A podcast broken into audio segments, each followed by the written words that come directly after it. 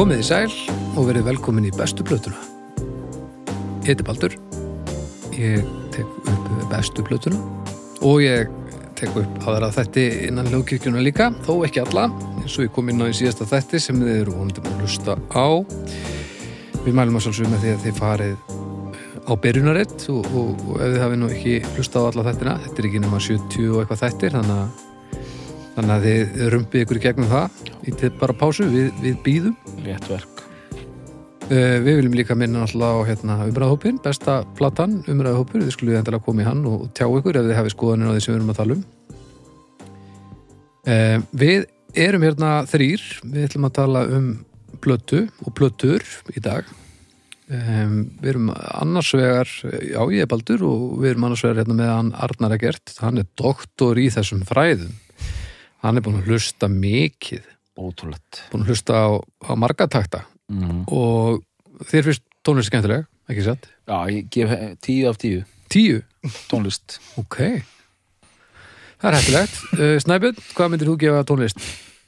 Tíu á tíu Líka? Já Eintómir, já mennið Þetta er alveg, við þurfum að fá eitt sem gefur bara núl. Já. Ég bara, ég finn til með fólki sem að tengir ekki við tónlist Já, tónlist er svolítið skemmtileg, sko. Já, hún er, hún er frábær, sko. Já, já, hún er, hún, Hún já, hún, hún getur hreift fjöll. Ó, já! Hmm.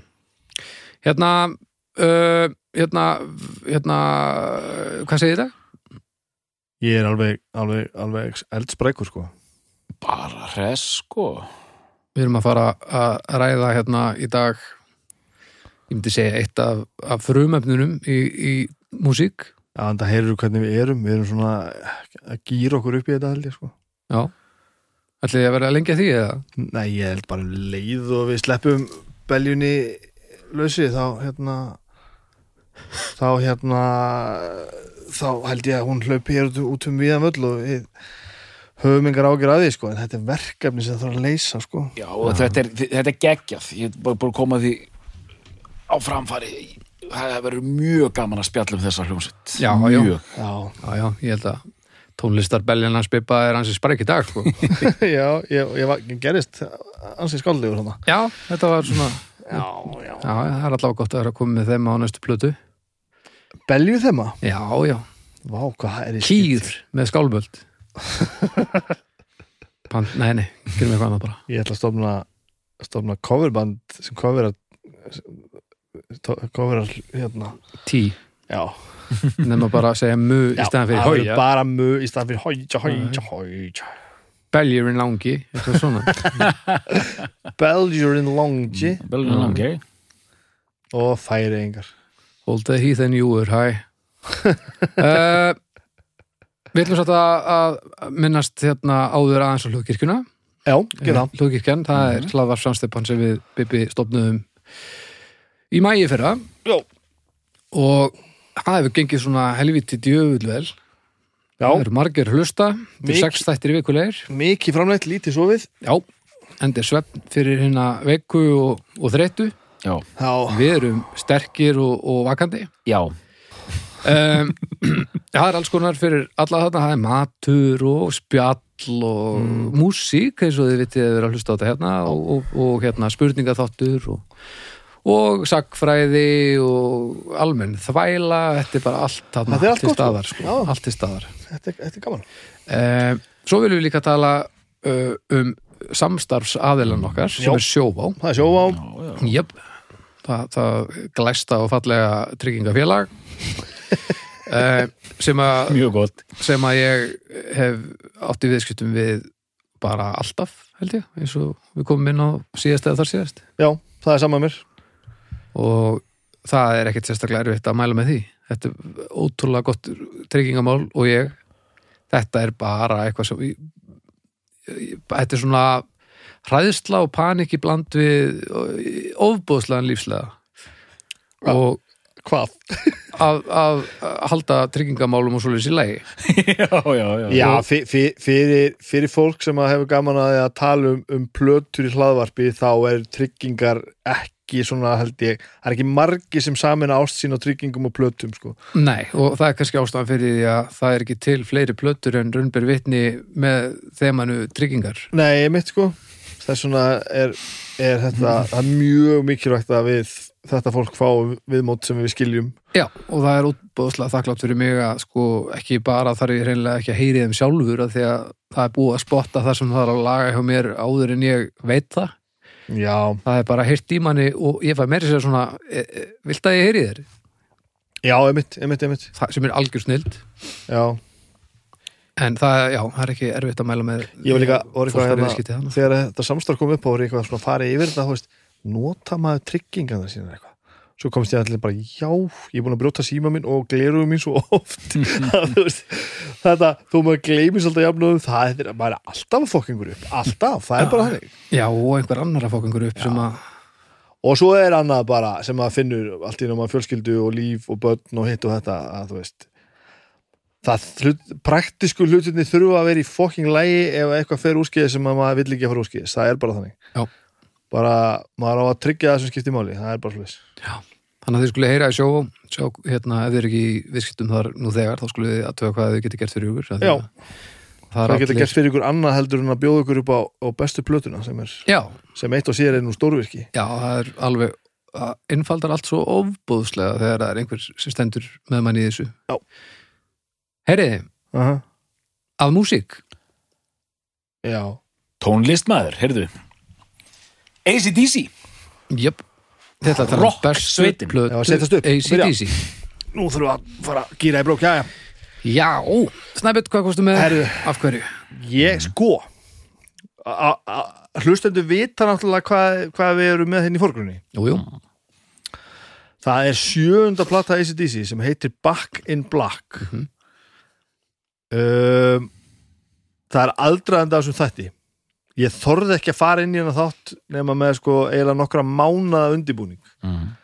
að því ég vildi vera alveg viss um það að ég kæmi með bestu plötuna með ACDC Já. Mhm. og þetta er orðið svo gildislaðið að því að þessi plata er náttúrulega svo ofbóðslega hæpuð Mm Já. og þetta er næst mest selda plata allar tíma eftir thriller held ég Er það þannig? Já, já, já, já, algjörlega, erum- eit- eitthvað þannig sko, Askur. algjörlega Askotin. ég held við séum bara þarna Já. og annars vegar það, þetta hæp og hins vegar er náttúrulega erum við að tala um sem að við þungar og slúðarnir þurfum alltaf að tala um sko það er fyrri söngvarinn og setni söngvarinn Mm. og þetta er fyrsta platan með nýja söngvarinn Já. Nýja söngvarinn sem að almennt þykir ekki mjög töff að setja framar en hinn. Mm uh, þessi svona the, svona the true metalheads. Það er allt sko við, höfum- við höfum öll að tilbyða Bon Scott. Já, einmitt, einmitt. Mm. og svo erum við bara með Brian Johnson sem að bara leisti þetta mjög vel. Já, já, já, og við erum einhvern veginn alltaf þar sko. Já. Þetta er dialógurinn sko. Og ég hérna ég fann það bara, ég var svo mengaður af alls konar um, umtali bæðið þessa plötu og allt þetta að ég, ég, ég, ég þurfti bara að fara tilbaka og, og, og, og treysta skoðunum mína sko og ég komst bara að því að Back in Black er besta platan með ACDC það er, það er þannig og, og þér hefur alltaf fundist það mér, já, mér hefur alltaf fundist það og þú ferð, sem sagt, og núna fórstu aftur í gegnum þetta til að bara, til þess að koma staði sko. gang, já, gangu sko um það já. Mm. uh, að að mínum dómi eru tvær plötur áberendi bestar með ACDC Ok, ég get svo bara sagt það strax hvað það er. Já. það eru plötuna sem kom út 79 og 80 ok. Síðasta platan með Bon Scott fyrsta platan með Brian Johnson Highway to Hell, Back in Black. Mm. Það er svært uh, ég held að einhver partur af mér hafi bara verið að vona að ég geti verið rosalega svona sérstakur gaur og magnaður og mér myndi bara finnast Highway to Hell betri plata en hún er það bara ekki sko. Nei, og hérna henni hefur verið telt fram sem slíkri, er það ekki? Er, er, er, það ekki? Sem bestu plötu ACDC Highway to Hell. Jú, það held ég alveg, alveg ég, ég held að sé ekki allir saman um þetta ég, ég er svo sem vera, Nei, Ég ég reyni nú að menga þennan part haus, hausins á mér ekki í, í sko aðdraðandanum, ég er ekki mikið að fletta upp hvað öðrum finnst áður en ég mynda með skoðan já, þessu já, já, mhm. En ég held að það er allavega erfitt að segja við einhvern að hann hafi ránt fyrir sér ef hann velur uh, aðra að þessum dömur sko. um, annað sem að er Hvað þá hann velja einhver aðrar? ég veit Bom, ekki, bom, bom. ég veit ekki eins og hvernig ég á að koma orðum að þessu sko og Ég hérna- merkilegt.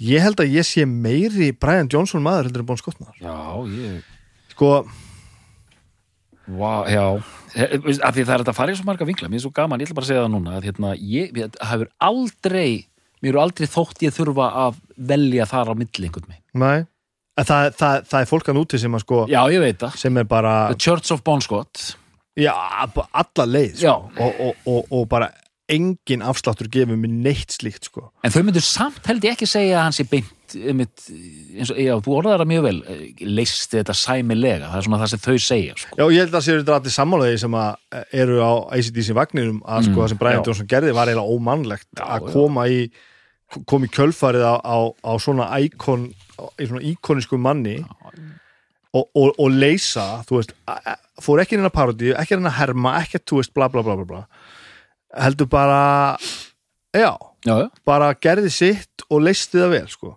Mm. Að því sögðu er ég náttúrulega þú veist, það sem Bon Scott gerir best er náttúrulega alveg ævintýralegt sko. en já, kannski er ég kannski erum við bara kannski er ég ekkert ósvipum stað á þú, kannski bara finnst mér ekki alveg þurfa að velja að því mann er svo næstum því stiltu fyrir vegstundum sko. þú verður eiginlega að hafa skoðun já sko. ég er svona Mm. mér finnst ACDC alveg ótrúlega skemmtilega hljómsveit og Mhm. bara fíla mjög mikið af þeirra efni frá báðum tímaböllum alveg Mhm. fram og tilbaka og hefna en eins og þið, þið þekkið mig bræður að hérna, ég hef nefnilega oft verið tekin fyrir af fólkinu sem finnst það fyrir neðan mína virðingu að ég eitthvað vera að fíla ACDC Jú, við erum þarna, já Nú Ha? fyrst byrjaði þetta að vera gaman og fólki finnst þetta að vera hálf asnalegt sko. Var ég kent það í, í doktorskólanum í Skotlandi að, að, að þú ættir ekki að fíla ACDC það? Já, er þessir anskotans hérna nýbylgju hundar og ég hef nú oft talað um þetta áður, eitthvað svona intelligentsia sko sem, sem hérna Anskotast já, nýbylgi já, anskotans nýbylgju fuglanir að þeir eiginlega bara trúa mér ekki þegar maður kemur svona straight faced bara, að maður elskið þetta band sko Hvað er það sem veldur því, samt? Já, og síðan Snobb sko það, já, já, snobb, í rauninni bara snobb. Já. og sí- síðan sko, og, og síðan maður heimtar maður, síðan, ef maður ef verið að heimta skýringar hvað finn, og maður bara, hei þú veist, þetta er bara rock and roll. E, e, þú veist, er þetta byð, byð, byðum eitthvað meira en það sko? En það er svo við vorum held ég að tala um það í síðasta þætti þú veist, akkur eftir að leita að einhverju, þú veist, þetta er það sem það er? Já, ætlaði að fara að segja af því að þetta er er þetta of einfalt, er þetta of hallarslegt, er þetta of leiðilegt? Þetta er bara eitthvað svona ég fatt ekki alveg sko hvaðan fólk er að koma sko. það er svo, það er svo að vera að krefja uh, listafólk um að vera eitthvað meira heldur en þau setja fram, sko. Já, líka líka þægilegt að stilla manneskjuna af eins og mig, já Arnar, já, ertu að horfa á þessa bíómynd, já, þú ert með svona góðan kvikmyndaspræk, já, þessa mynd og þessa mynd síðan sko, akkur varstu að horfa á þessa mynd? Já, já, já, já, já, já. og þetta bara, já, Arnar, hérna, þetta og þetta og síðan bara, býttu fílar og þú veist, það þið, þið, þið, þið heyrið alveg hvernig þetta hljómar. Hvernig getur þið fílað þessi dís? Það er svo glata Já, já, já, já. já, já og cheap og eitthvað svona sko. ég heyri þetta langa leið, sko Ég bara heyri tóni í röddinni. Já, Sko- ég, meina, það er það sko. Og þannig, ekki- þetta þarf ég að díla við. Ég hef ekki orðið mikið fyrir þessu. Sko, það er náttúrulega eitt sem er alveg er auðvelt að gera með svona bönd sem er búin að gefa út, þú veist, ég veit ekki hvað þeir eru búin að gefa út mm plötur, sko, ég bara maður það ekki. Heilmikinn slata, A- umlega a- 20 stykki. Já, a- að þú veist það er auðvelt að segja, sko, það er einhver við að bæta, sko, og þú ert búin að semja sama riffi kannski svolítið oft og þetta hljómar svona, þú veist þannig, sko, Mhm. að það er ekki fjölbreytni. En, en erum við eitthvað að leita einhver fjölbreytni? Við viljum bara heyra fokkin ACDC, þegiðu bara. Já, nákvæmlega, það er ekki tilfell ACDC og hérna, maður vill það bara alls ekki. Einhver, einhver saga af held ég Malcolm Young. Það sem kemur einhver svona það er eitthvað, einhver svona 90s viðtal. Það sem að hérna einhver svona ægilega hress bladakona segir svona við hann bara hérna hvað, hvernig er þetta eiginlega með ykkur, Ég er búin að gefa út 13 plötur og hérna hljóma allar eins? Og hann sagði, hafðu þið hæga. Við erum búin að gefa út 14 plötur og það hljóma allar eins. Það er ekki alveg háli húmor fyrir þessu sko. Já, já, ég man að Angus var einhvern veginn viðtal út að stiffa upp að lip og þú veist, það var eitthvað svona svipa sattu en hann bara, já, já, það eina sem breytist í okkur er coverið. Þannig að þeir eru alveg svona, þeir eru vísir sko. Á að gera það? Að fara í sögun eitthvað? Já, já, rennið ég þetta bara saman. ACDC flokkurinn stofnaður 1973 í Sydney, Ástralíu. Mhm. af, af skoskum ástralastrákum. Mhm. uh, það er Young ættin er nú, er nú býsna, býsna ráðandi þarna. Já, já, allt í allt allt í allt takt að tína til fjóra Young Já, menn sem að, sem að koma þarna ekki rétt hjá mér. Jú, það er hérna stóri bróðir George. Já, sem var hérna söngari hvað Easy Beats. Já. og b- sér um svona, svona prodjúsa og svona fyrir þá. Sér eru þetta bræðurnir hérna Malcolm og Angus. Uh -huh. og síðan er þetta núna, nú, núverandi meðlumur í ACDC, hann hérna Stí, Steve, getur við hann Steve, Steve, Steve Young? Stevie Young, ég held, ég held það sveimir þá. Og þessi fræga saga, hann leisti Malcolm af á, á tónleikaferðalinu eftir hérna Stevie Young blow up your video hérna tónleikaferðalagi, þá leisti Stevie Young Malcolm af og tók enginn eftir því þegar hann er með svona áþekka líkamsbygging og bara svona stóð þarna aftalega og spilaði riffin leisti bara að svolítið að lesa með, með gítarna sko. en sko þe þeir búin að vera með stóra bróðu sem einhverja fyrirmynd ef ég mann söguna rétt mm -hmm. og fara það svona svona að- að að djöflast eitthvað að gera, búa til einhverja músík þeir bræðinir eh, meir og minna sitt hverju lægi Ok. En svo kemur þetta einhvern veginn heim og saman þegar, þegar að Malcolm ákveður bara að nú ætla hann að semja lög og það veri svona, svona blues hard rock eitthvað og, og litli bróði þá að vera með. Og það gerist mjög held ég hratt og öruglega að að hann verður svona svolítið heilinn svona svolítið dreif fjöðurinn í svolítið saman og Angus verður svolítið svona e, það sem fólk tekur eftir svona mjög svona flamboyant og svona mm, átter og mikill svona mikill svona sjómannship í honum og, Já. og bara svona gaman að vera kringum hann og svo leiðis Mm og menn hinn er svona meira tilbaka sko Mhm. uh, þetta er stopnan 73 fyrsta platan kemur út 74 Er það High Voltage? já, Já, Nei, það held ég, Nei. jú, jú, var ekki fyrst hérna, Jú. Fyrst hún er svo rosalega High Voltage bara í Ástralíu er ekki, er það ekki fyrsta? Jó, það er mikið, sko, vá, hvað ég tristi mér ekki að fara í þetta. Það er mikið svona einhver svona e, Sko, Ástralega 75 only High Voltage. 75 75 High Voltage Australia Only og 75 TNT já, 75, ekki 74 Já. og, og þetta komaði sem sagt sko á innan við ári koma hann tvær. Svona. Já, já svo innan við ári setna held ég kemur sko þriðaplatan sko. Mhm. Og skamt frá því að segja að þetta slær mjög hratt í gegn Mhm. þeir verða þeir verða frægir heima hjá sér og bara tala sér mikið frægir Mhm. og strax á fyrstu plötunni er búið að manna bandið nokkuð aðeins ríkfallin þessi vitneskeiðum við erum hann með Jóngbræðuna báða Phil Rödd er, er komin á trommur Og það er annars söngvari, sko já ekki á fyrstu samt. Nei, nei, nei, nei, ekki á fyrstu blötu En það, þú veist, það var annars söngvari einhver tíma þegar þeir voru Og þá voru þeir í hálfgerðum svona glam átfittum já, hérna á sviði einmitt, einmitt og já, mikið, mikið handir með búninga það fyrst hvernig Já. þetta að þeir eru að koma líka úr þessu tímabili sko. þarna eru allir með svona einhverja ímynd og eru ægilega svona átir og það er til dæmis sagði að þessu með skólabúningina sérna Angus Young þá var hann búin að reyna reyna hérna allan anskotan búin að reyna hérna að vera einhverjum svo sorrow búning Já, og eitthvað svona hitt og þetta menn það er alltaf, veist, ma- við- það er til fullta vídeoum af hérna að Bon Scott í sko Superman ból, þú veist, og alls konar svona að vera, vera að prófa svona hitt og þetta. Og það fyrir eitthvað tvennu sögum að veginn þetta skólabúningamál byrjaði, einhver segir að hann hafi bara verið og sett á gig og komið beint, Já, já, já, einmitt, en einmitt. svo var einhver sem segir að sýstir hans hafi eitthvað bara svona prófaði bara að í þessu. Þetta, þetta var eitthvað wild thing sko. Já, já, já, Og já. Sem, sem sprettur upp úr þessu sem þú ert að segja þeir byrjuðu alltaf sem eitthvað svona það er eitthvað svona glam stemning Já, kringu svona það smá, sko. En ég held þetta síðu sérst Angus Young, Malcolm Young eh, Bon Scott er að syngja Phil Rudd, trommar held ég alveg öruglega frá fyrstu plötunni. Já, satt, satt, Mhm. satt. Og Mark Evans spilar á bassa, er ekki rétt? Eftir, eftir með plötuna, þú ert að fletsu allt rétt og, og, þe og þetta er náttúrulega bara strax orðin bara í rauninni kjarnin sem að var, varð ACDC þú að það hefur verið margir þannig undan sem að gera hitt og þetta og búið að flakka eitthvað milli, milli bassalegara og hitt og þetta mm. gera þetta og verða bara strax fólk hefur bara strax að taka eftir þeim það er, það er, og það er bara þannig Mm.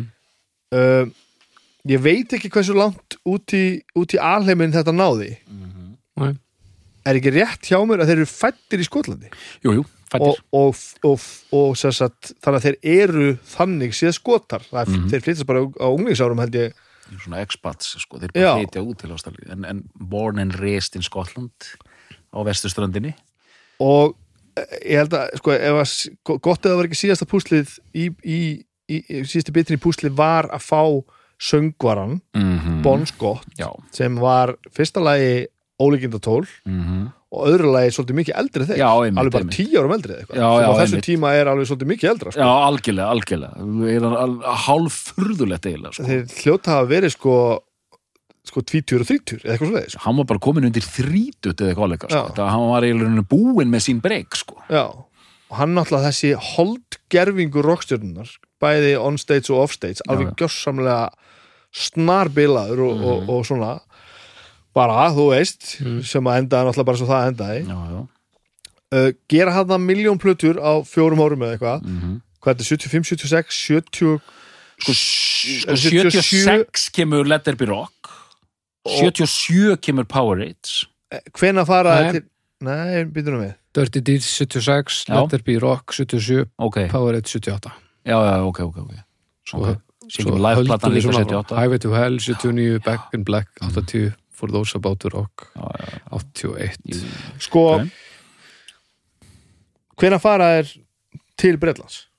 Af því þeir ná einhverjum svona vin- vinsaldum, það er hann einhver tíma þarna 76 7 vantarlega, Mhm. sem þeir fara flytja sig yfir, bara til þess að ná bara sambandi við heiminn, sko. Og ég man eftir að hafa einhver tíma heyrt þá bræður segja frá því, sko að, að þá hættu þeir allt í að vera svona skrýtnir því þeir höfðu svo mikla sérstöðu í, í Já. Ástralíu það, þeir voru bara að spila mjög grottalega tónlist á þeim markaði af því að Ástralía var bara svolítið í svona meira svona bara fílgút stöfið já, já. komið til Bretlands, það er náttúrulega allur anskotin að gerast og þeir eru náttúrulega að koma inn það sem er pöngi er að rísa og svona já, sko. já, einmitt og það eru frægar sko útlistanir í, í bresku pressunni sem einhverju vil nú meina kannski að útgáfafyrirtæki hafa nú ítt undir líka að þeir væru pöngband sko, já, ok, ok sem þeir Mm. voru náttúrulega alls ekki nei, nei, nei, nei, nei. en það verður að vera að stilla þeim fram með með hérna, með punk, punkurum í Bretlandi hmm. uh, þeir eru búin að vera að vinna meira og minna með söm, sama pródusendum frá upphafi ef ég manni rétt sko Dirty Deeds næ, náttúrulega svolítið svolítið vinsaldum Mm. komdu með þetta í, í röð, Hva, hvað gerir svo hana sko, Powerade er hvenar Veitu, sko þetta er svo mikið á svo stuttum tíma sko. Við erum með Dirty Deeds 76, Let There Be Rock 77 Powerade 78 já, já, já. Highway to Hell 79 og eftir Powerade þá, hvort það er sko útgáfa fyrir því, ætla sér bara þá sem eru komið til Breitlands, ég er, þetta er aðeins undir snjó hérna, þessi, Mhm. þessi vitniska mín. Þá skipta það eru prótsent aha, sem er náttúrulega algjör vendipunktur sko. við erum búin að gera náttúrulega mjög margt mjög gott og búin að vera alveg glæsilegir og, og vera ægilega duglegir bæði að spila live og að vera hljómsveit. Mikið viðtölum mikið svona appearance hér og, hér, og þar sko og eru bara að- að taka þetta eins og á að taka þetta sko. Einhver staðar hann heldist eh, Mark Evans úr lestinni að því að Jóngbúræðinur þóldan ekki lengur. Mm. Og þá byrja sem Cliff Williams í bandinu já, já. sem er náttúrulega bretti sko, englendingur held ég. Eng, hann er englendingur. Hann, hans fyrsta plata er Powerades. Og hún kemur út 78 og sama ár kemur út live-platan, hérna, tónleikaplatan If You Want Blood, You've Got It. Tekin upp á tónleikum í, sem í, í Glasgow. Mark uh, Evans hættir 77 og þú veist, þá er þetta er svo ríkalega plata, sko, hún er svo þétt og þetta er svo, og rockar svo vel. Hún er frábær þetta er, bara, þetta er ekki eðlilegt, sko. Og það er alltaf bandið náttúrulega, já, kannski aðeins búin að gleyma því að, að tala um það, að bandið náttúrulega er með ólíkindu gott, Já. þeir eru svo vel spilandi að það er alveg, það er rosalegt. Bara uh, klá, klárum það, hvernig myndið þið útskýra músikina fyrir einhvern sem þekkir ekki ACDC ég sagði einhver tíman og ég get alveg sagt það aftur og setja hann upp á eitthvað svona skífurit eða línurit eða eitthvað, þá Mm. er ACDC núlpunturinn við tekja alla tónlist og tekt hana út frá ACDC og ég held að ACDC myndi enda í miðjunni. Stælalaust einfalt rock og roll. Mm. það myndi einmitt rock, rock og roll Mm og nullpunktur rocksins. Stælalöst rock og roll bara, það, er- það er þetta er, einhvers, þetta er eiginlega bara fullkomið einhvern veginn. Það, og þetta er vel orðað. Það er svo erfitt að, að tala um þetta. Veist, en þess, náttúrulega, fólk, sem, fólk sem þekkir þetta skilur hvað maður er að meina. Ég, ég segi nú oft þegar það leikur vel á mér og hérna, ég segi að þetta sé þessi plata hérna If You Want Blood You Got If You Want Blood You Got sé bara besta rockplata sem nokkru sinni hafi komið út sko. bara af öllum rock bara af öllum rockplötum hérna sem til eru út frá nullpunktskenningunni Já, væri já, það ágætlega við hæfi sko. en bara þú veist þetta er ekkert annað en það sem það er bara kersla geggjuð kersla, bara hvernig hérna, Hólóttar Rósi opnar hérna hlið tvö þetta er ekki eðlilegt Nei, nei, það er ekkert eðlilegt það. ég segi svona, ég látum þessa kenningu hanga Gaman að, hlusta á hérna þessar tvær lægplötur If You Want Blood og No Sleep Motorhead mm Mhm. hlifið lið sko. Þa, það er hérna, maður skinjar alveg að þetta geti hafa verið, verið sko það, það, það, það, það, það var sama blóðið í, í æðunum hann sko. Þín er svona snjáð báðir nei, með þetta hérna alveg þetta sama, pöngast á henni sko. það sama já, þetta er ekki sama. Jú, sama útgáð það sagði ekki, ekki, Já, ekki, já, ekki blanda þessu saman. Nú er hann alveg þannig að lifa, lifa brunni ég, ég, er að lifa á brúninni hérna sko. Og hvað heitir hann producent? hann hérna Lang? Mött lang hann er ráðinn held ég svolítið mikið fyrir tilstilli plötufyrirtækisins. Mm -hmm. mm. og þá bara á tak, taka þetta upp á næsta level. já, já, það er bara þannig. Það er pælingin sko. Og það er gert. Og það er alveg gert mjög vel af því að þá kemur þessi plata hér, Highway to Hell. Og, og þessi plata náttúrulega er e, e, hún er rosaleg sko. Mhm. hún er í alveg hryllilega, hryllilega, hryllilega góð. Um, ótrúlega stuttu setna þá endar þetta náttúrulega með ósköpum með Bon Scott að hann náttúrulega búin að eins og verið að tala veist, gamla umbóðsmenn og svona hann var náttúrulega orðin alveg glórulus hann dópaði bara sem hann sá, drakk endalaust. Það leiði alltaf það kvöld það sem hann var ekki hringt í einhvern sko, sem var tengdu bandinu það sem þurfti að pikka hann upp einhver staðar í sko ræsinu eða í fangelsi eða eh, þú veist, það var bara einhvers stað döður í einhverju sófa þar sem einhver, einhver vildi ekki hafa hann sko. Mm. Og eins og einhver orðaði þetta sko hann var, hann búin að bata konur bara út um allan bæ sko, þú veist, þetta var alveg glórlust það var alveg búin að tapa það sko. Og hann hafði alltaf lísti yfir að hann, ef hann næði að lifa til færtus þá var það bara fínt.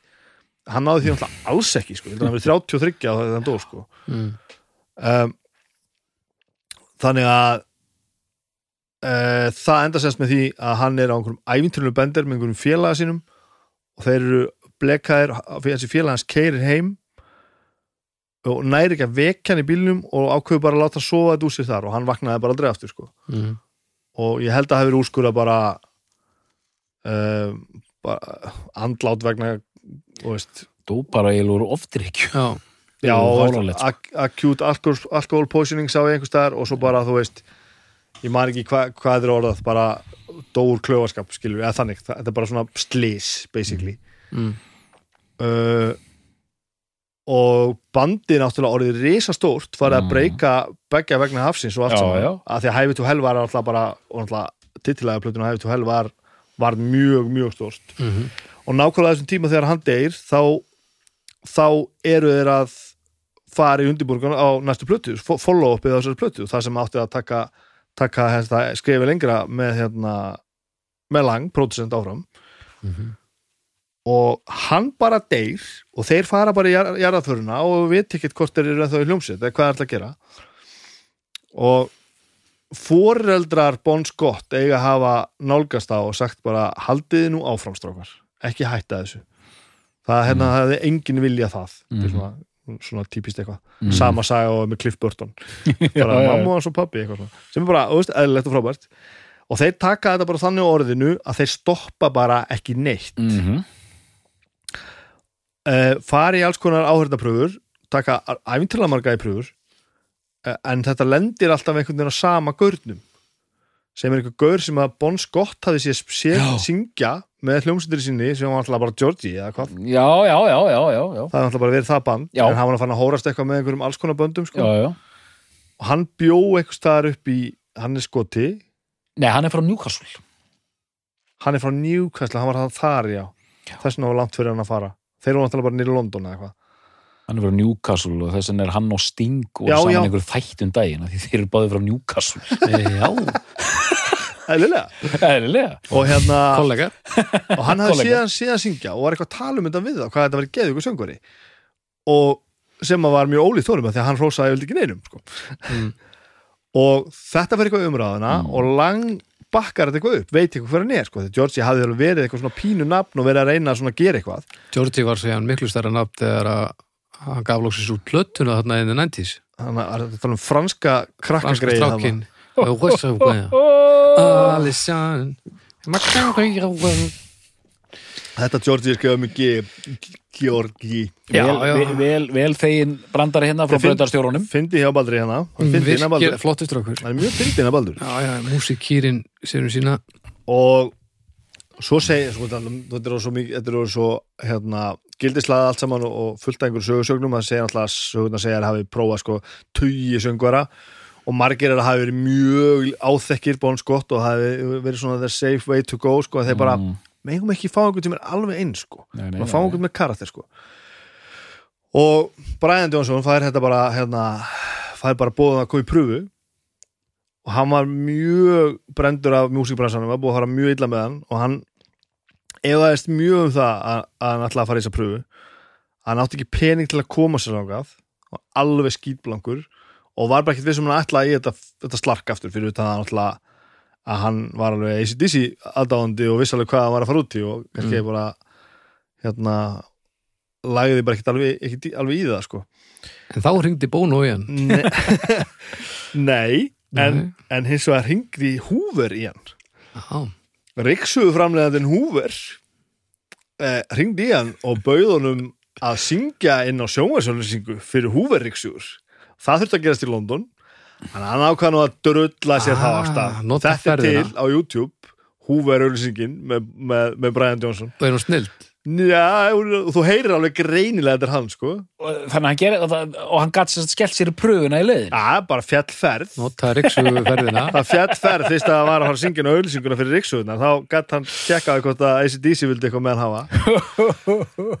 Og það bara smellur eins og flýsur ass og, og eitthvað af stöffinu er þegar verið að semja með Bon Scott. Ég Já. man nú ekki hvort hann er kreditaður á Black, in Black. Kom, Þú kom er að einhver, skoða einhverja demo-útgáfur með Bon Scott á hann að hérna back and black kassan ég veit ekki. Ég man- ég man það ekki, sko. Eða það hefur verið til. Nei, það er einhver kassi, bon, Bonfire. Það er kassi, Bonfire. Hmm. og það er eitthvað Bon Scott hér og hvar og meðal annars er back and black þar bara í heilu lægi en ég veit ekki hvort að hann var byrjað að taka upp einhverja vókala sko, ég man það ekki.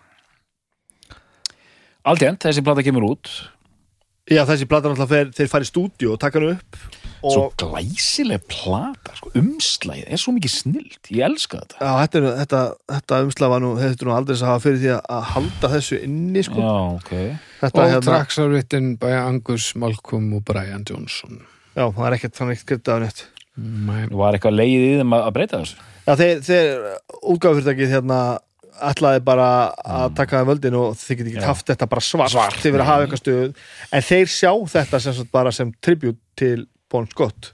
Þetta er bara leggstæðinans þetta, þetta er bara svart, bara sorgar svart Mm. og bara, já, bara, bara beint til hans sko.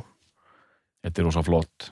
Og þetta er ógæðslega flott sko uh, og þetta smellur einhvern veginn bara strax. Og þeir byrja, hann byrja náttúrulega bara að semja allar þess að texta og allt þetta dót og, og þeir svona er eitthvað að að finna tónin í þessu öllu saman. Var hann búin að vera sem einhverju texta áður, veit þið það? ég held það já. Þetta Já. tala um Brian. Já. Að því einhvern veginn bara svona dett inn í það einhvern Já, veginn. hann, hann byrjar að semja texta og, og, og fer aftur sem textasmið með hverju plötu. Já, já, það er nú bara það er þema bara svo það komið fram. Já, líka bara hend, það hendar þessum textastíl ekki neitt frábælega vel að eldast. Þa, það er, þú verður pínu bara svona gömlukalla eitthvað, að gera eitthvað gömlukalla Nú man ég upp á slínunum minna með Bon Scott. I'm hot and when I'm not I'm cold as ice. Wow. Þetta er rosa Hann er maður búin að kofera sig gagvart öllum kringumstæðum. En allavega, mm. Þeir hræri þess að plötu á einhverjum örfáum vikum, sjö vikur held ég að sé alltaf að tala um að hafa tekið, tekið að taka þetta upp. Og og það er- virðist ekki vera neitt sérstaklega merkilegt ferli sko, þannig. Alltaf búið að tala um bara hver, hvað er líka galdratin í þessu öllu saman. Í blödu það er bara að vera að gera plötu sko. Mhm. og ef- jú, svolítið svona hörð vinnu ethik, þeir eru svolítið, svolítið að kynnast líka ræða svolítið svona fraseringar átt að syngja þetta svona. Mhm. Eða, eða svona Já, og, og, og eins og hann segir sér- frá því sjálfur allavega þá, þá fekk hann yfirleitt að ráða sko fraseringunum þó að þeir hefur Brian, já. já, og ég held að hafi aðalega snúist um það að þetta hefði verið sko meira busy hérna hjá honum heldur að þeir vildu hafa. Þeir vildu alltaf innfalda þetta sko. Mm. It was a fast machine kept the motor clean. Þeir vildu hafa þetta svona. Já, The fast machine? Kept the motor clean. Þannig að hann Þeir þeirra hafa meira bíl á milli? Já, þeir vildu bara, bara tíma. fækka línunum sko. já. Fast machine. Kept the motor, já, ok, Það ok er alveg virkað en væri annað. Þannig að veist, einhver, einhver svona en allir voða góði vinnu og allt gekk ógislega vel sko. Já. og svo bara er þetta allt sem að spila inn. Að, mikið tekið framrendar að að, að þú erum svo oft sett, sett saman við plötu sem komur setna mm. eh, eins og Maiden og, og það sem Priest var að gera þeim setna og eitthvað svona. Mm, að það, þessi plata er 1980 mhm. og það er ekkert gimmick á henni. Þetta er bara gítar í magnara spila með nögl og þegið. Og þetta bara stendur og fellur með já, þetta stendur bara með því hversu vel og trommar og hversu vel og spilar hann að gítar sko. Já. og, og það heyrist svolítið á þessari plötu en það sem gerðist var náttúrulega bara það að þeim tókst nákvæmlega það sem maður lagt var upp með það er bara að gera Highway to Hell betri. Ok. Að því að, að mínum dómi standa þessar plötur, þessar plötur Mm. algjörlega hlifið hlið Mm. en það sem að er búið að gera mjög vel á Highway to Hell er bara búið að mastera á Back in Black. Og svo áðurum fyrir að töl- tala um músíkina sjálfa Já. soundið á þessari plötu það er, það er, Það er, það er ótrúlegt. það er ótrúlega Það er- ótrúlega gott ótrúlegt það er ægilegt pláss í öllu heyrir í öllu, ægileg yfirvegun í öllu. Mm. Vikt og samt er þetta svo stórt sko, þetta er svo risa, risa stórt sko. Þetta er einmitt alveg geggja saman, þú betra sko það er aðeins svo mikið sín á hæfutel, það er svo mikið. Sín glá, glái, Já, já, hún er pússaðri einhvern það veginn er svona pop, pop á henni. Já. Hún er líka bara meira segja- 70s Já, að því hún er 70s, þessi Jó, jó, ég, ég myndur ekki segja að sé búið að fullbónana sko Mér finnst þessi jakki hans Bon Scott segja þetta aldrei mikið um þessa plötu hann er svo svalur sko. hann er svo mikið svalur ævintýralegu töffari sko. mm. en, Og- E- ef við höldum áfram með Já. ferilinn meina, þe- þessi, þessi plata náttúrulega bara hún bara, hún mölbröð allt sem hægt var að brjóta eh, hérna á öllum listum sko Já. Ég man ekki, hún var bara tvö ár samfleytt á veist, öllum listum í Mm. bandarækjunum sko, þetta var, algjert monster. Mm. eh, er svo ekki bara næsta plata er bara árið setna jú. Held ég. hún, Ég held að haldi bara uppteknum hætti. Nei, og það er plata sko sem mér fannst svona, þú veist, bara dífa en það er lang líka, er ekki? Er, Ég man hann ekki Ég held það. 81 for those about to rock. Já, en Ég- það, ég var svo hissa sko hvað hún er pródus- hver pródusur hann? Robert John Lang, jú, Já, ég bara að hann hafi gert þessar þrjár. Og það er svo ótrúlega skyttið sko. ég veit ekki hvað hann var að reyna að gera það, það hún er svo skringilega ekki jafngóð hún er bara, hún er ekki skemmtileg sko. Finnst nei, og, og eiginlega Hva- hvað blómatímin eh, hann er náttúrulega búinn þarna sko. þeir, þeir reyðja frá sér þarna in the 80s uh, það, þetta er ekki þetta er ekki þeirra bestu verk þarna in the 80s nú er það náttúrulega einhverju brjálaðir Já, á umræðahópnum að því að ég verð nú að fá að hérna hérna nú tek ég upp hanskan ákondum dóm sko ég var svo hissa sko einmitt Back in Black alveg bara ótrúlega plata fáranlega plata og, og allt sem þið lístuð hérna og einmitt soundu og allt þetta sem kemur.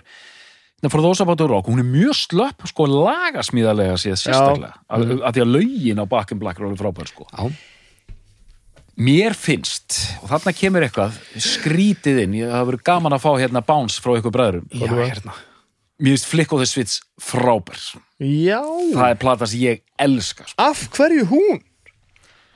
Rising Power um, og hérna Flick of the Switch, Já. lægið Landslide uh, og uppáhalslægið mitt eða svona nei, skulum ára þann, lag sem ég hef alveg ótrúlega mikið dálæta á í ACDC katalóknum Mm. Bedlam in Belgium Ég man ekki sem hvernig það er það lag er stórkostlegt sko Og því það er dunk, dunk, dunk, dunk Gæti verið sirka svona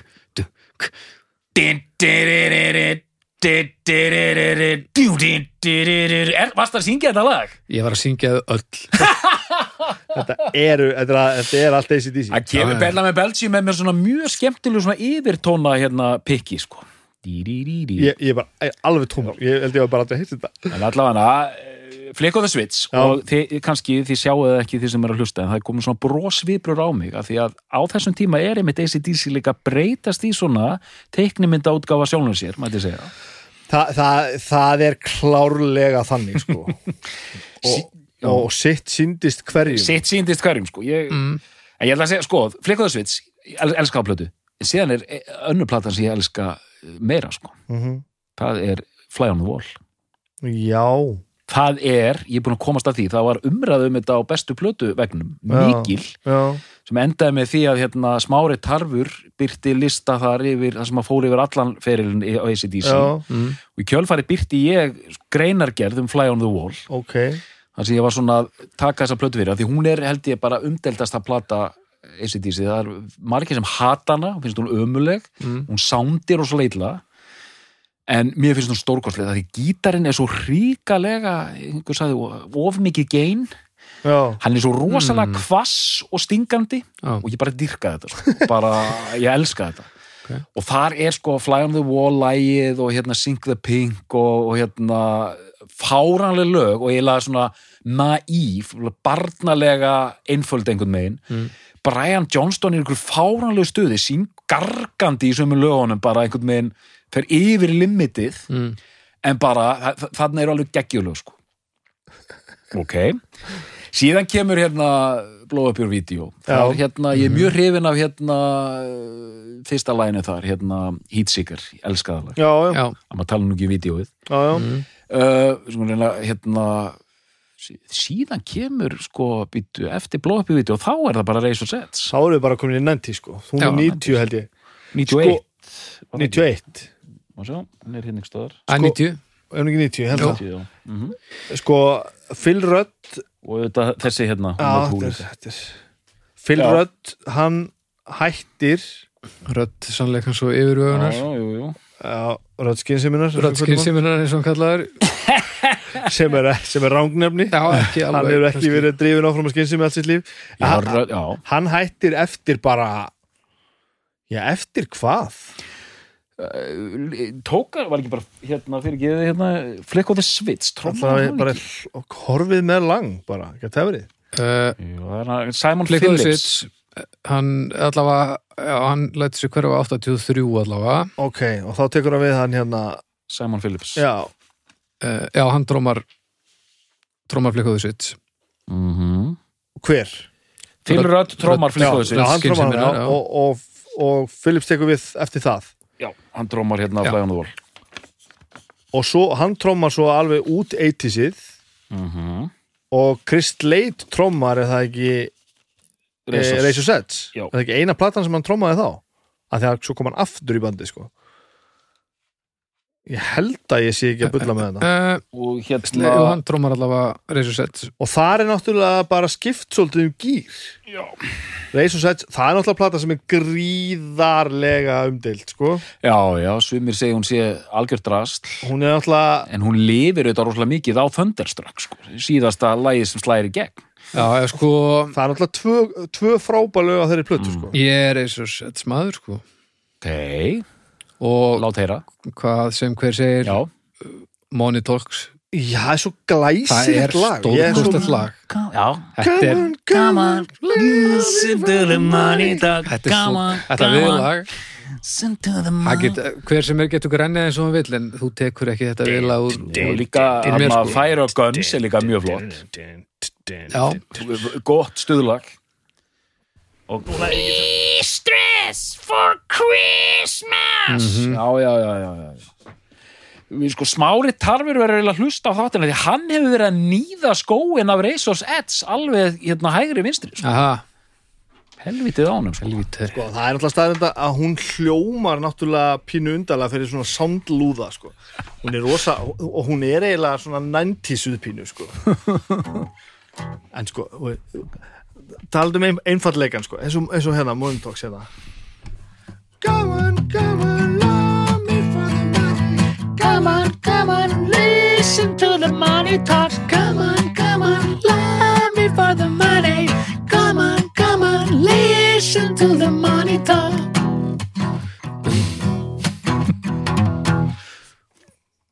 Þetta, þetta, eru, eru fyrstu ljómaði sem lærir, bara lærir á gítar. Og, er- og mér er, ef Þetta er þú finnst þetta gott. að vera leiðritt lag þá hafið þið bara rámt fyrir. nú.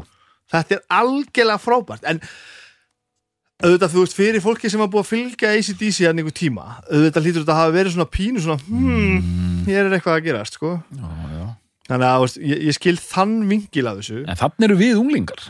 Það var einmitt það sem ég var að fara að segja þetta fíla ég að því að sko janúar 91 er ég að stofna hljómsveit sko og ég er bara já, já, já,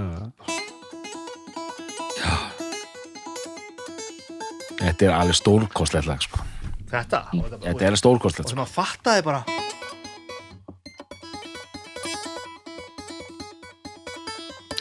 Þetta er fyrsta mómentið fyrir ansi, marga gítarleikara það sem er átt að segja á því að Wow, þeir geta hljóma eins og þeir séu hryllilega góðir og þeir þurfi ekkert að kunna neitt brjálæðislega mikið Mhm. spilaði hann mm. Martin kassagítar Ég er nokkuð vissum það, jú en þessi, þessi riff sko Já, já. nú, nú þurfum við líka að fara að tala um hvernig ACDC er búið til lög sko það er af af ótrúlegum mannskap. Af því þeir eru ótrúlega hljóðfæraleikara sko. Mhm. mm. Phil Rudd er náttúrulega með eitthvað fíl sem að bara enginn hefur. Já, þetta er hann þessi, trommar eins og enginn annar. Wow. og þú veist, ég, ég með, sem mjög fyndi með að hann er mikill svona meðalmaður í persónulífinu. Díó en það sem ég held í sko, nú er ég komið að kem ég hérna með mjög eldfima kenningu Já, hvað með hana? ég held þú getur ekki verið svona trommuleikari mm. nema vera drullus okkur. Er þetta að meina ég ég hef he, he, heyrt stíl hans líst hann sé afslappaður og cool og ég held að hún sé drullu sama um allt í heiminum. Nema þetta beat sem hann kemur með.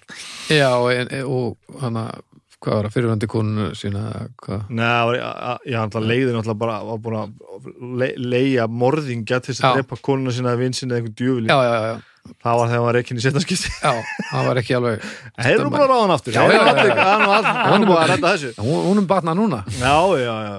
En þú veist, það, það er nú eitt. Auðvitað náttúrulega Angus Young ógeðslega skemmtilegu gítalegari Já.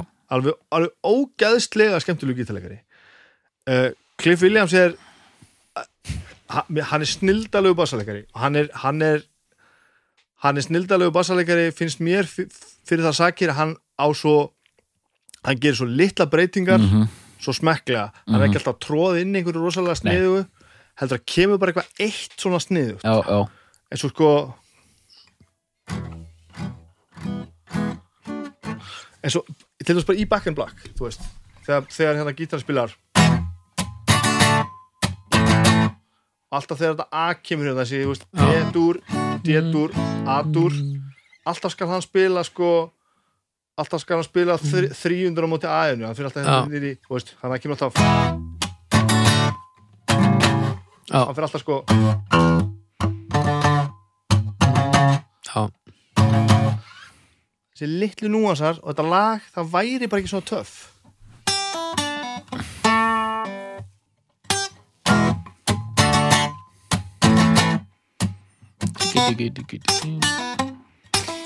Hvernig gengur? Þetta lík var í búið bassarleikara það var, já. Hérna og, það sem ég var að segja já. Og, augljóslega frábæri söngvarar en, en náttúrulega kongurinn í þessari, þessari, þessari, þessari, þessari hljómsveit hlýtur að teljast vera Já, málkvæmum já, já, riff, riffmæsterinn. Já og bara ég sá hérna einu svona viðtal við Scott Ian í Anthrax. Mhm. Ég held að þetta hafi verið það Gretz var að kynna sem sagt Malcolm Young signature gítarinn þannig að það var alltaf svona sama Gretz gítarinn að rífa úr honum alla pick-up og alla takka og allt sem hann var ekki að nota. Bara svona göti gítarnum allstaðar Mm. og bara einn pick-up og that's it. Mm -hmm. og þeir voru svona að- að að reissue að svoleiðis gítar bara, hann bara leitt alveg eins út sko, og Skotti hann var eitthvað að plugga það. Og var eitthvað að tala um að þetta væri bara upp á skítalegarinn sinn og bara lýsólum hingað og þangað. Hann sagði eitt svo ótrúlega ótrúlega rétt. Hann sagði, ímyndið ykkur Malcolm Young hann mætur á æfingu og segir, strafgar hvað líst ykkur á þetta? og allir segja bara ok, þetta, þetta, er, þetta er frábært hver einasta manneska í heiminum önnur sem mættir á æfingu og segir, er ég með þarna?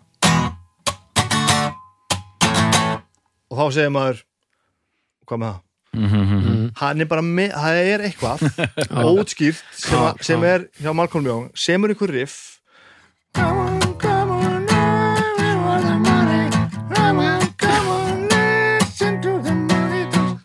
það er ekkert til sem er einfaldar en þetta. Og það er bara einhvern veginn verður þetta svona helvíti gott.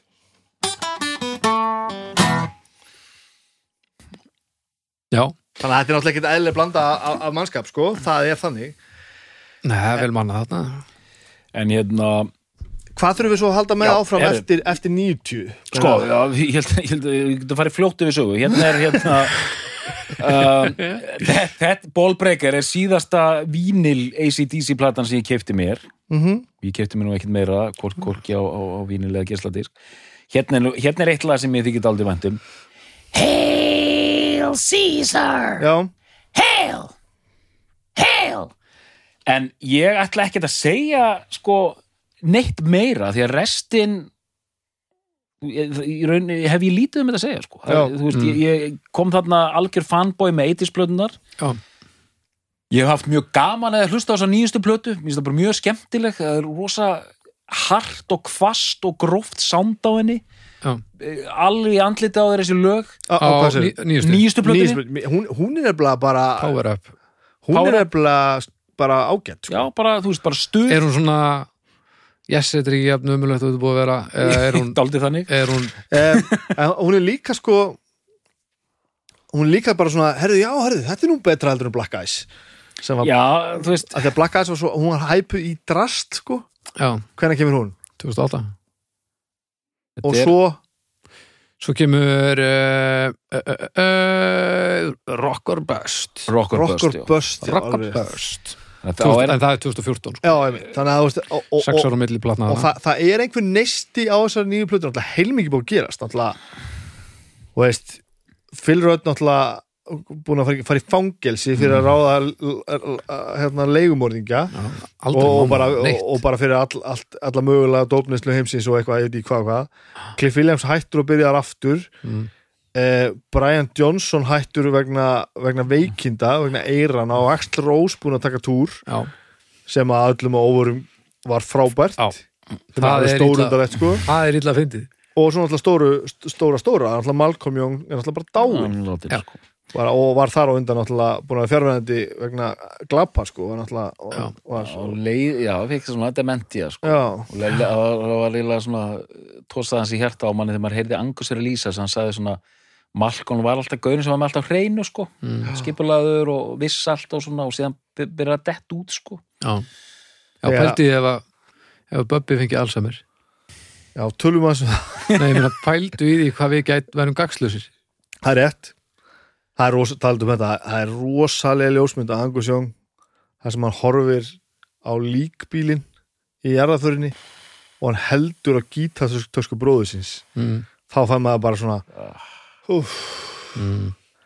en það er einhvern neist á þessari nýju plötu sem kemur held ég svolítið mikið með þessu og það er bara svona einhvern veginn já, já, það er enginn að gera þessa plötu að því að þurfa það sko. Það er allt einhvern veginn að hafa náð að finna einhvern annan aftur einhvern veginn og þeir eru allir aðna og, og Stevie Young er bara að leysa leysa Malcolm af sko Já.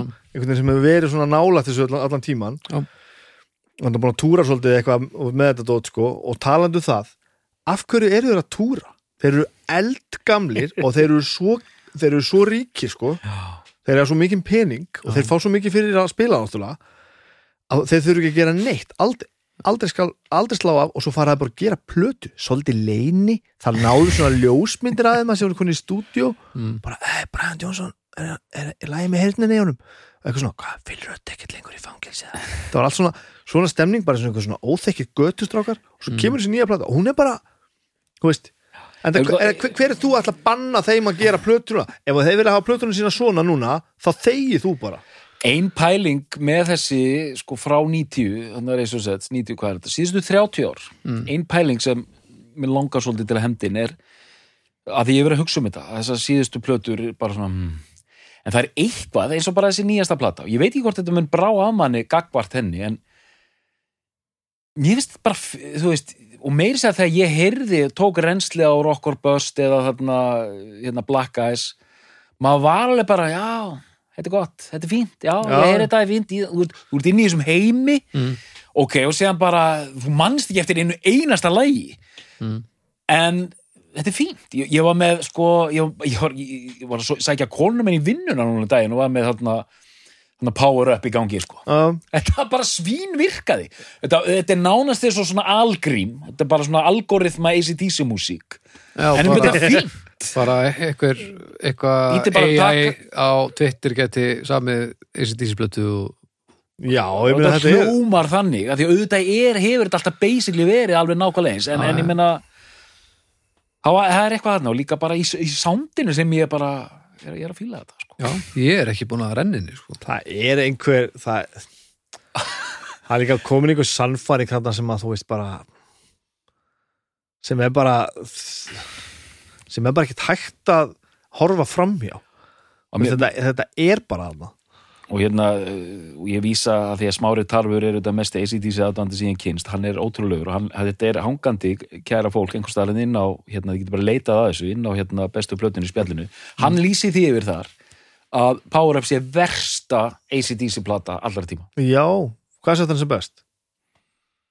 Platan utan. Vá, ég man það ekki sko. Hérna, það, hann voru tvær plötur sem hann gaf hérna tíu af tíu sko. Já, já.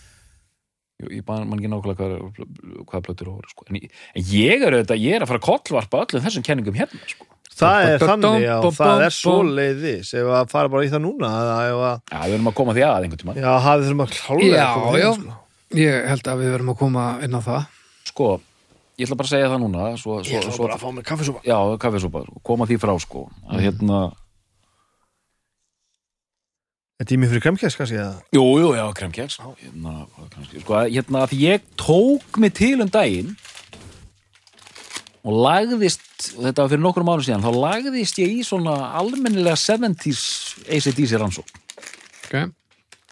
ekki, og þetta er ekki hérna og þetta 80s fanboy, það er eitthvað sem maður bara pikkaði upp einhvern veginn sko en ég tók þessa plötur og bara svona mældi þær alveg út sko og hérna fyrir mér lang besta ACDC platan er besta ACDC platan að mínum mati er þessi hérna. Já, já. Og í stuttumáli Let There Be Rock er mjög góð plata en hún er ennþá aðeins of iffy, það er ennþá aðeins verið að slípa. Mhm. Powerades það finnst mér að vera fullkomlega fullkomum plata. Hún sándar geggjað vel, það er bara einhver svona svona þægilegur rúnaður hljómur út í gegn. Mhm.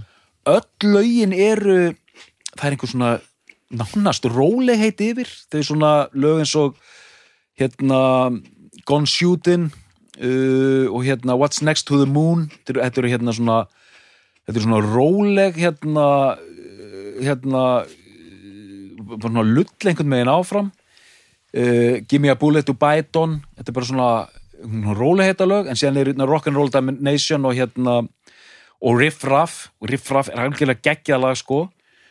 Og hún svona rennur finnst mér ótrúlega samfælandi hátt. Hérna uh, Down Payment Blues líka. Uh, það er einhvern veginn svona ótrúlega heildstað, flott plata og svolítið cool. Það er eitthvað svona, Það er einhver raspur í henni, sko. Raspar og svona pínu svona dark, gothic element nánast sko, eins og þegar maður heyrir hérna What's Next to the Moon, þetta er bara svona mm. þetta er ekki einhvern veginn slagar, þetta er bara svona situr þarna sko. Síðan þegar við komum inn í hérna Highway to Hell hún er bara of hún er- finnst mér. En síðan kemur Back in Black sem er einhvern veginn alveg að eisa þetta. Mm. fullkomlega ég myndi ekki setja hana í annað sæti frekar en, að því mér finnst Let There Be Rock vera svo of einhvern veginn, þeir eru ennþá að finna sig sko. en mér finnst þessi siti einhvern veginn fullkomlega á milli. Já, uh, er ekki alveg búin að finna sig á Let There Be Rock en þeir eru konur of þeir eru orðnir of hérna poppaðir fyrir mig á hérna Highway to Hell. Og þær eru lög eins og hérna hérna, hvað heitir það hérna uh, hérna þú uh, Touch Too Much það er, það Já. ekki skemmtilega Nei, en það er líka það sem dregur hæveit og heldur niður fyrir mig, sko. Það eru svona það er eitthvað svona moment, það er kannski ekki heil lög það er eitthvað svona moment það sem er svona já, Ah, veit ekki að hverju alveg. Svona, En við- við- að, svo mikil bransi sko. við erum augljóslega að tala um mjög litla galla á ofbóðslega góðu verki, sko. En þú, sko, en hvað segið um uh, Power Age kenninguna? Nú, nú er ég bara spenntur að heyra. Eitt, veit ég ekki, eitt veit ég ekki hverju ég mann en Keith Richards er sammálaðir já. þetta er upp á þetta er upp á ACDC platan hans mm. uh, þú ert núna að segja allt sem að ég var að segja upphafi sko. Mm þú ert að segja það sem ég fór í að leita að til að vera vissum já að mér þætti ekki Mhm. og mér finnst þetta ekki sko. mm um, kannski er ég bara svona mikil pop-hóra sko. þú veist, þetta er Back in Black er bara aðgengilegri plata, hún er það. Já, já, en sko Back in Black, Hellspells Shoot to Thrill, Giving the Dog a Bone What Do You Do for Money Honey Rock and Roll and Noise Pollution Let Me Put My Love Into You þessi hæfiski titill You Shook Me All Night Long Shake a Leg, Have a Drink on Me. Þessi þessi tracklisti hann er algjörlega óafinnalegur þetta er þetta algjörlega geggjuplata þetta, er, bara ekki þetta er bara ekkit eðlilegt safna lögum sko. og þegar upp á staði þá, þá var það það sem reyði ferðinni á mér. Og svo sem ég er náttúrulega ég spila tónlist og teka hann upp og soundið á Back in Black er svo skemmtilegt og stórt og mikið. Mm. soundið á Powerheads Ok. er, er þú veist það, það er einhvern veginn meira hapa glappa sko. Og síðan fer maður út í sjálfskoðun sko, þú nefnir einmitt pop-hóruna sko, og ég er að hugsa bara, ok Arnar, akkur velur þú Powerheads, er það því að er það út af þessu djöfulsis gamla hérna, Joy Division, hérna, Já, arti Já, hérna, snobbi í þér? Það er auðvitað að tengja það saman. Já, og getur ekki verið almennlegur Arnar sko. en hérna það er sko, mér svo fyndi að finna hérna og ég held að það sé ekki útgangspunktur en að hérna, all, alla plötur séu mældar við Joy Division en mér finnst mjög merkilegt að sjá þessa sveit vera í ég veit það ekki, svona einhvern veginn svona lítill galsi og bara svona sitja í sama tempó en einhvern veginn út í gegn sko mm. Mm. veit það ekki, svo það er eitthvað svona heildstæður hljómar sem ég er að fíla alveg, alveg, alveg í ræmur sko. en já, en þetta gerðist þarna í þessari djúbransón sko. Já Næ, ég er ekki samanlega sko. og, hver er þín? Ég er á samanstafu Já, Lögin eru bara ofgóð en það er líka, það það- er ekki hægt að segja um þessa plötu einmitt, sko, einmitt, að, fyndið, hún er rísa stór, rosalega þekkt Já. allir að fíla þetta alveg í ræmur en þetta er algjörlega Það er innistæði fyrir já, þetta er bara, Það þetta bara fullkomin plata sko. þetta er ótrúlega góð rockplata sko. Þetta er svolítið bara eins og veist, Þetta verður bara Já. svo stórt af því að Já. þetta er svo gott sko. já, já, En auðvitað, auðvitað skulum við ekki, ekki hérna ekki horfa framhjá því að maður sem pródusur þessa plötu hérna og, og það er þrjár Mhm. hann var náttúrulega ráðina því að hann hafi verið að pródusera Bon Jovi sko. já, já, þú veist, það var þannig já, já, ég meina þetta og maður heyri líka á Highway to Hell sérstaklega finnst mér, það er svona rosalega meðvitað, ok, strákar, nú tökum við þetta á næsta level og ekkert kæfta því, sko já, já, hún er kannski, mér finnst- Back and Black meira kannski cool, sko, það er svona hún er það sko. það er svona pínu svona en þú veist, þeim texta fullkomlega. Já, já, já, já. en þetta er gert, þetta er líka sammaðurinn og, og prodjúsaði Def Leppard. Já, já. Hann var bara að gera þetta. Hann var, bara, Gera- þú veist. hann var að gera þessi hardbönd aðgengileg, eða þú veist, búa til monster hittara, sko. Já, já. Pyromania og þarna þannig að þú veist, það skal enginn segja að það hafi ekki verið í lúpunni að við ætlum að, við ætlum að gera geðveikt vinsalar plötur en mað, mað, ég fæ aldrei einhverja sellátt tilfinningu ég fæ það bara ekki sko. nei, nei, nei, nei, nei, nei. þetta er rosalega þetta er svona s- sannir sjálfur sér í þessu sko já, ég ég fæ meira sellátt hérna, tilfinninguna bara á sko reysosets til dæmis Mhm. þá líður mér svona svolítið eins og menn séu að- að- að- aðeins að aðeins að stilla seglin af svona svo, að- svo að þetta stakja finnst sko. þetta samt vera þetta er- þetta eru litlar reyfingar á selláttrófinu sko. Já, já, en síðan eru bræðurnir stanslöst gaggrindi fyrir það, hvað finnst ykkur um það? Að hérna, þeir séu svona blatantly útreiknaðir? Og ACDC í dag hefur verið líst sem bara svona fyrirtæki og það er bara, þú veist, það er bara hakað í einhver box. Og þú veist, þetta sé algjör svona markaðsvara, það var einhver að tala um daginn, sko, að þú veist Mm. og, og þeir, að þeir heldur til dæmis, þetta, er, þetta var eina síðustu hljómsveitunum til að fara inn á Spotify, sko, svo haldið svo fast utan um þetta, sko, já, og hvernig þetta var svona drippað í okkur, sko, beðið í mörg ár, já, alltaf sama merkið og svona, þú veist, og þú veist nákvæmlega hvað að fá, já, þannig að það er aldrei neinn áhætta. Nei, ég meina ég ég hugsa til dæmis að ég myndi alveg treysta mér til þess að semja ACDC lag. Það er bara aldrei nálægt að vera jafnvel spilað og aldrei jafn gott. Nei og þú ert heldur ekki ACDC og ég, ég fattaði ekki upp á því Þetta er pínu það líka bara ó, eru, þetta, sko. eru þeir að gera eitthvað sem að þér mislíkar? Hva, hvað varst þú að gera á meðan eiginlega? Þetta er pínu mér finnst við aðeins að komið þarna en ég meina au, auðvitað má alveg tala um það ég meina þú veist í hvað tilgangi fólk er að gera þetta uh, eru þeir að gera þetta af, af listrætni hugssjón? Nei, ég held ekki. Ég held að sé mjög langt síðan að það var gert síðan sko. En, en er það ekki núna, bara allt í lægi sko? að kæmi núna ein plata næst og þá kemur ljósið að vera eitt stórt hildarverk Já, menn, nýtið allt saman. Já, og og Stór lífi bara og, eitt stór gjörningur, beintin á fenni eða tveir já, já, já, hvaða festival var aftur sem að tala um þú veist það, bara allt saman? Businessliðin og það. Það sem að helgi sem sagt, litla, sti- litla sviðið og stóra sviðið. Svo hellaðu ACDC setna kvöldi, þess að síðasta kvöldi á hátíðinni á sínu eigin sviði. Já kom með það sem að þú veist, þetta var bara stærsta ég man bara ekki hvað hátíð þetta var og hvort þetta var fleiri en ein hátíð sko, það túruðu með sitt eigið fucking svið sem var miklu stærra aldur en festivalsviðin. Það fær enginn að spila á þessu sviðin með ACDC, þetta er sviðið þeirra. Þarna ertu- talandi um leðilegt rótur Já, en ég meina talandi um status sko, Já, talandi um peningana talandi um já. en það líka bara ef að ACDC með tónleika það koma allir, það koma allir alltaf. Já, já. það er bara alveg þannig. Og þeir fá frábæra dóma fyrir allt sem þeir gera. Þeir hafa aldrei það það hefur aldrei neinum þótt leiðilegt á tónleikum með ACDC og ég held að það haldi sér í gegnum alla áratugina, ég held að séu allir samanlega það að hafi alltaf verið þannig að þeir deliveri alltaf á tónleikum. Mm.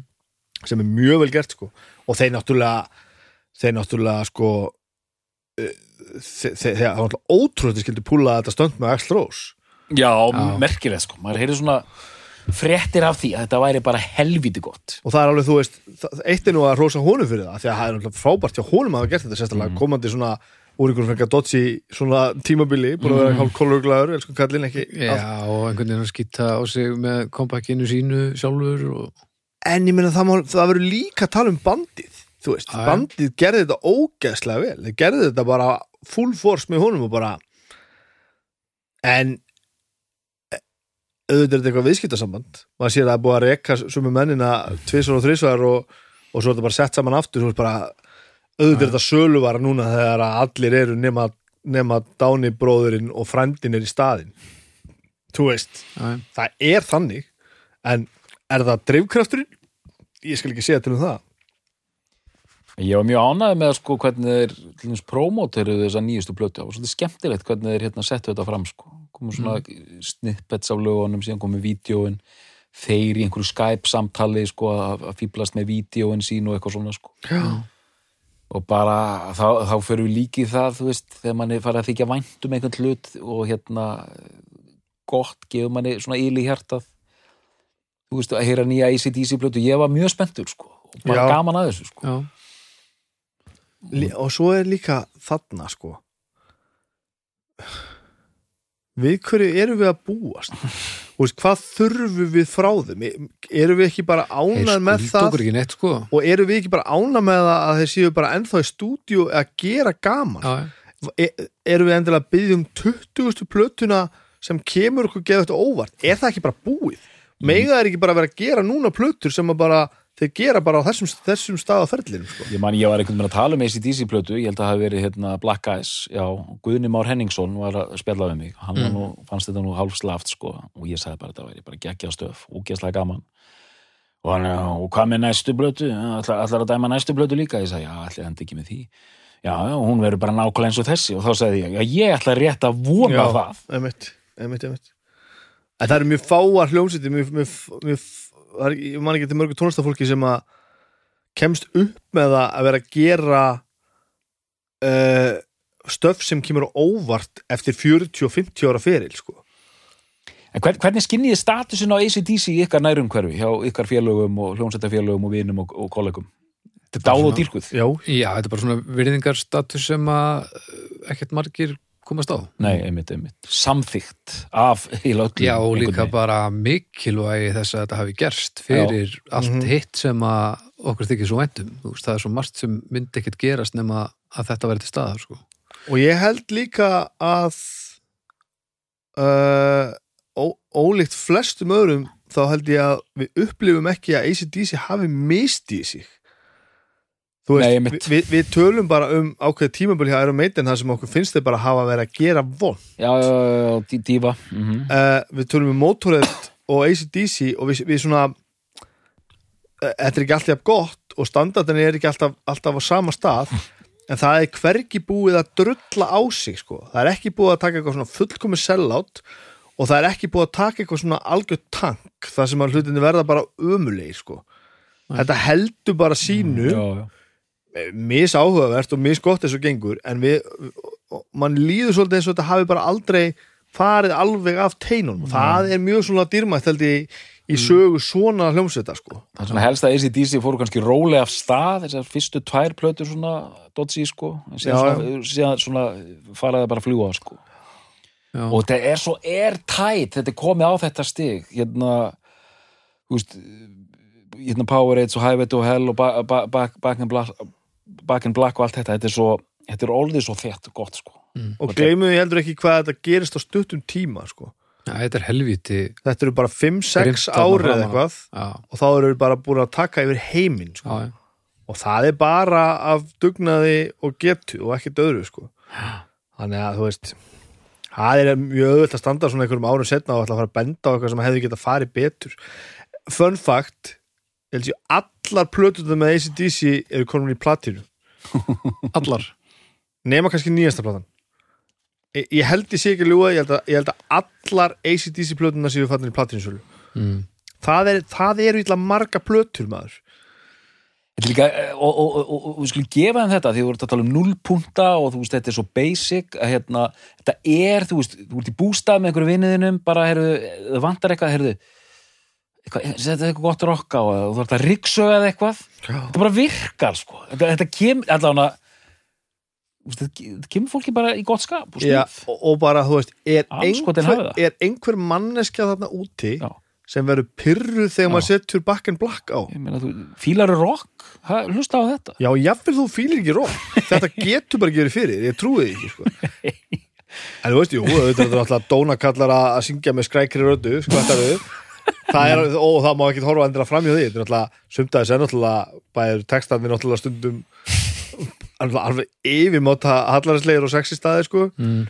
e, og auðvitað þetta náttúrulega það er einhver pottur brotin einhver staðar þegar þú ert farin að láta taka þér fasta fyrir að- að að borga leigumorðingjum sko. Þannig að þetta er ekki englar. Það er nú saga sem að, sem að hérna, Brian Johnson sagði tjána af hérna að Phil Rudd, hann, þér alveg glórlu sko er í stúdiói Rudd er að tromma. Og það hanga einhvern svona blöð á hérna á, á symbalastatjúrum hans. Sem hann horfið svona á meðan að tromma hann bara, hvað er hann bara að skrifa hjá sér sem sagt röðin á lögurum, eitthvað þess er hann með einhver nótur þarna, einhver djúlin, aldrei síðan gera þetta öður og hann svo millilega þá svona labbar hann inn til hans eitthvað og fer á bak við trommusetti og þá er þetta nektarmyndir af konum. Og hann spyrir bara hérna akkur er þetta hana? þá Phil Rudd inspiration. Já, þú veist, mm. já, já, alveg. Þetta er ekki töf sko. Nei, alveg gladaður sko. E- e- e- en við tökum það ekki á hann hvernig hann trómar sko. Nei, nei, hann og það er síðan að segja ég held að þetta tvent fari, fari saman. Ég held að þú verður að vera síð, síðblindur brjálaðingur til þess að geta trommað eins og hann trommar. Er það þessi virði fyrir heiminn? Ég veit ekki alveg með það. En fyrst að það þurft að vera þannig þá er ágætt að hann fann trommusetti sko. og hann er svona þetta afslappaða kær, kæruleysislega kúldæmi hvernig hann kemur inn eins og riffraff hvernig trommunar kom inn í riffraff. Það er fáránlegt sko. Það það, það nánast eins og það er komið inn pínu seint. Og það er einhvern veginn það sem gerir lagið sko. það er bara svona það er eitthvað svona, ég- er, hvað er þetta kallað, backbeat nei, þú veist, hvað er þetta kallað, það er svona aðeins og setn inn og, og það er bara gegg, geggjað sko. hann er náttúrulega, hann hefur þetta element sem að er, ekki, er bara ekkert hægt að feika nei, nei, að liggja svona ofbúslega aftalega Já, í bítinu já, sko. algjörlega, öll algjörlega. slög eru bara eins seint já, já, og, já. og, og hægt er að hafa þau Mm það eru mjög fáar ég, ég man til sko, það eru tveir íslendingar sem að ég hef sko, ve- verið nógu nálagt til þess að að sem ég hef séð þetta gerast Já. Og þetta er ekki ennuleiti nei. Það er hérna, það er Addi Ham. Mm hann, hann, hann er alls ekki eins trómari hann er með þetta sama, þetta ofbúslega laidback Já. beat sko sem gerir náttúrulega þessi relentless hamlu að þessum, að þessum við eru, þetta er bara svona eins og sé verið einhvern veginn að það er bara svona að- að svona kýla því svona ekkert allt og fast en rosalega oft í röð svona. Og þú veist, og þetta bara svona slær mann alltaf meira og meira og, og það er aldrei svona lí, maður fa mað fæðir eitthvað svona sans á einhverju svona fullkomnu valdi. Það er engin að rössa hann einu. Ég er með þetta sko. Og ef þú reynir að feika þetta sem allir reyna að gera Mm. það bara virkar ekki sko. Mhm. hinn mannskjarnir Leilo já, ok. Farið stúdíu með. Leilo það sem hún er að spila það, er, það eru tæmingar sem ég myndi borga sko, ég myndi borga hann handleikin fyrir. Hún er ekki eðli grúfið í henni er bara það er ekki, það er bara á öðrum stað sko. Ótrúlega lillett businessplan að- að kaupa svona tæmingar og gefa handleikin fyrir það. Þá einhvern veginn svona já ég fatt að ég var að segja það, það var mjög vittlust tæmingar þannig aðeins minna en svona er þetta, gefa nefið fyrir það. Já, betra. Heyriði, ég ætla bara að stoppa ykkur af. Já við myndum að halda áfram út í eitt það er uppgjör, það er uppgjör uh, doktor, byrjum á þér. Já, doktor, uh, þá ég, það er búið að koma fram hvað mér finnst að vera besta plata ACDC Mhm. uh, uppgjör sem snýst auðvitað um þá plötu sem er verið að tala um, það er Back in Black. Þetta er bara, þetta er bara einn besta rockplata sem nokkur sinni hefur gefin út Mhm. og, og seldist upp að því marki. Uh, þarna finnum við sveitina einmitt heldur áfram með nýjum söngvara með brjáleðislega góð lög fáralega gott sound hann er gjössanlega eisa þessa plötu hann Brian Johnston og bara allt bara gengur einhvern veginn upp. Og ofta þessar bestu plötur sem við erum að tala um þetta það er bara, það kemur allt saman einhverjum fáranlega dásanlegum skurðpunkti sko. þannig að ég segi bara amen.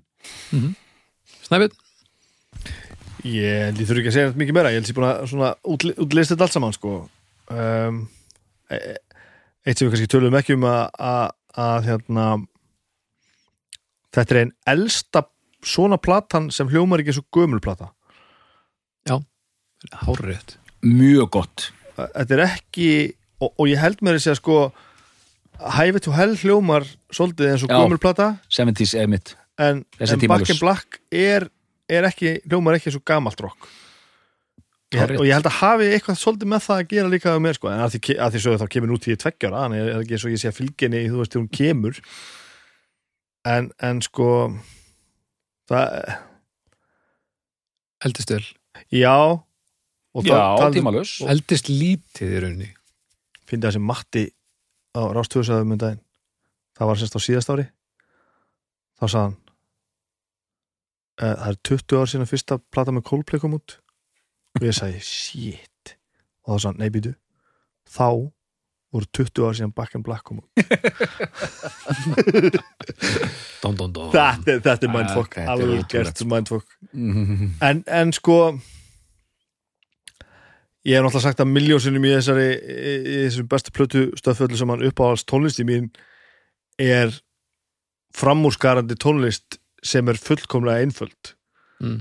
Og ég held að þetta sé alveg svona þetta er alveg, þetta er alveg holdgerfingur þess Já, að vera ekki að gera flott með því að gera flóki og sjáðu mig. Heldur einfallleikinni er bara alger en einhvern veginn er snild í hverju einasta lagi. Það, á sannfæringin maður. Auðvitað hlýtur þetta að snúast um einhverju hluti nákvæmlega svo þetta sem að Scott ég var að segja mig, komdu með þetta riff Mm. segðu mér þessi frábært, ef þú ert ekki Malcolm Young Eða heima sko. Eða Leiló, hún getur það, er, það er svona fólk sem hefur þetta sko, og það er eitthvað magnað sko. og þetta er allt í botni þeir spila allir ægilega fast og gera þetta bara þetta er bara rock og roll Já, sko. já, já. að sjá sko klippur þegar þeir eru að spila live 77-78 það sem Angus Young er hlaupandi um sviðið eins og brjálæðingur, þetta er ótrúlegt að sjá þetta sko. og bróður hans sit- stendur á bakvið grafkjör og spilar hann, sp hann spil svo fast sko. þetta er svo mikið brjálæði. Það er eitt sem við ætlum að ekki búin að tala um. Mm, Komdu með það. Það er hérna, ég er nú mikill aðdáðandi hérna uh, græju græju vídeo á YouTube Mhm. og, og gítartímariti Premier Guitar er með vikulega þætti sem heita Rig Rundown það sem er farið yfir tækin sem eru notuð á, á hérna á hljómsveitum og, og listamönnum. Mér, mér segja, ég kannast þetta og Rig Rundanið hjá ACDC það er ótrúlegt. Það er bara ótrúlegt. Þeir eru með tekkið þeirra hana. Mhm. þeir eru með þeir eru með svo mikið að mögnur náttúrulega. Og það er allt í rauðabotni og engi stælar, það er bara þetta allt í botni. Eins og það bæjasa er alltaf magnarana, massamagnarana. Þeir sérst keira lampan of heita til þess að ná þessu brjálaði sandi sko. Mhm. alltaf aðeins og heita því að það springa alltaf svona 2, 3, 4 magnarar hvert einasta kvöld. Þannig að þeir túra sérst með magnaratek sem er bara allan daginn að gera við magnara sem að sprungu í tætlur kvöldið áður sko. þetta er allt saman svona. Það er ekkert eitthvað að vera að feika eitt eða neitt, bara gott sándi þessu Marcel. Ég ætla, hérna, ég, ætla, ég ætla að stilla hann þannig að hann sé alveg á brúninni að gefast upp. Svo bara gefst hann upp þá var bara einhver maður sem reddar þessu og þetta magnarinn sko horfa á, hann var eitthvað að sína að magnara Mm. þetta er allt saman teipað og skrúað og vírað í spað sko, einhver, eitthvað vintage stótt sem er búið að gera við svo hryllilega oft. En þetta er galdurinn, þetta er bara allt alltaf í mígandi rauða botni. Allt sem þið gera alltaf. Mjög gott. Þannig að Snæbjörn Er þetta besta plata ACDC? já, Doktor, er þetta besta plata ACDC? Nei. Við þakkum fyrir í dag og við heyrumst að við kuliðinni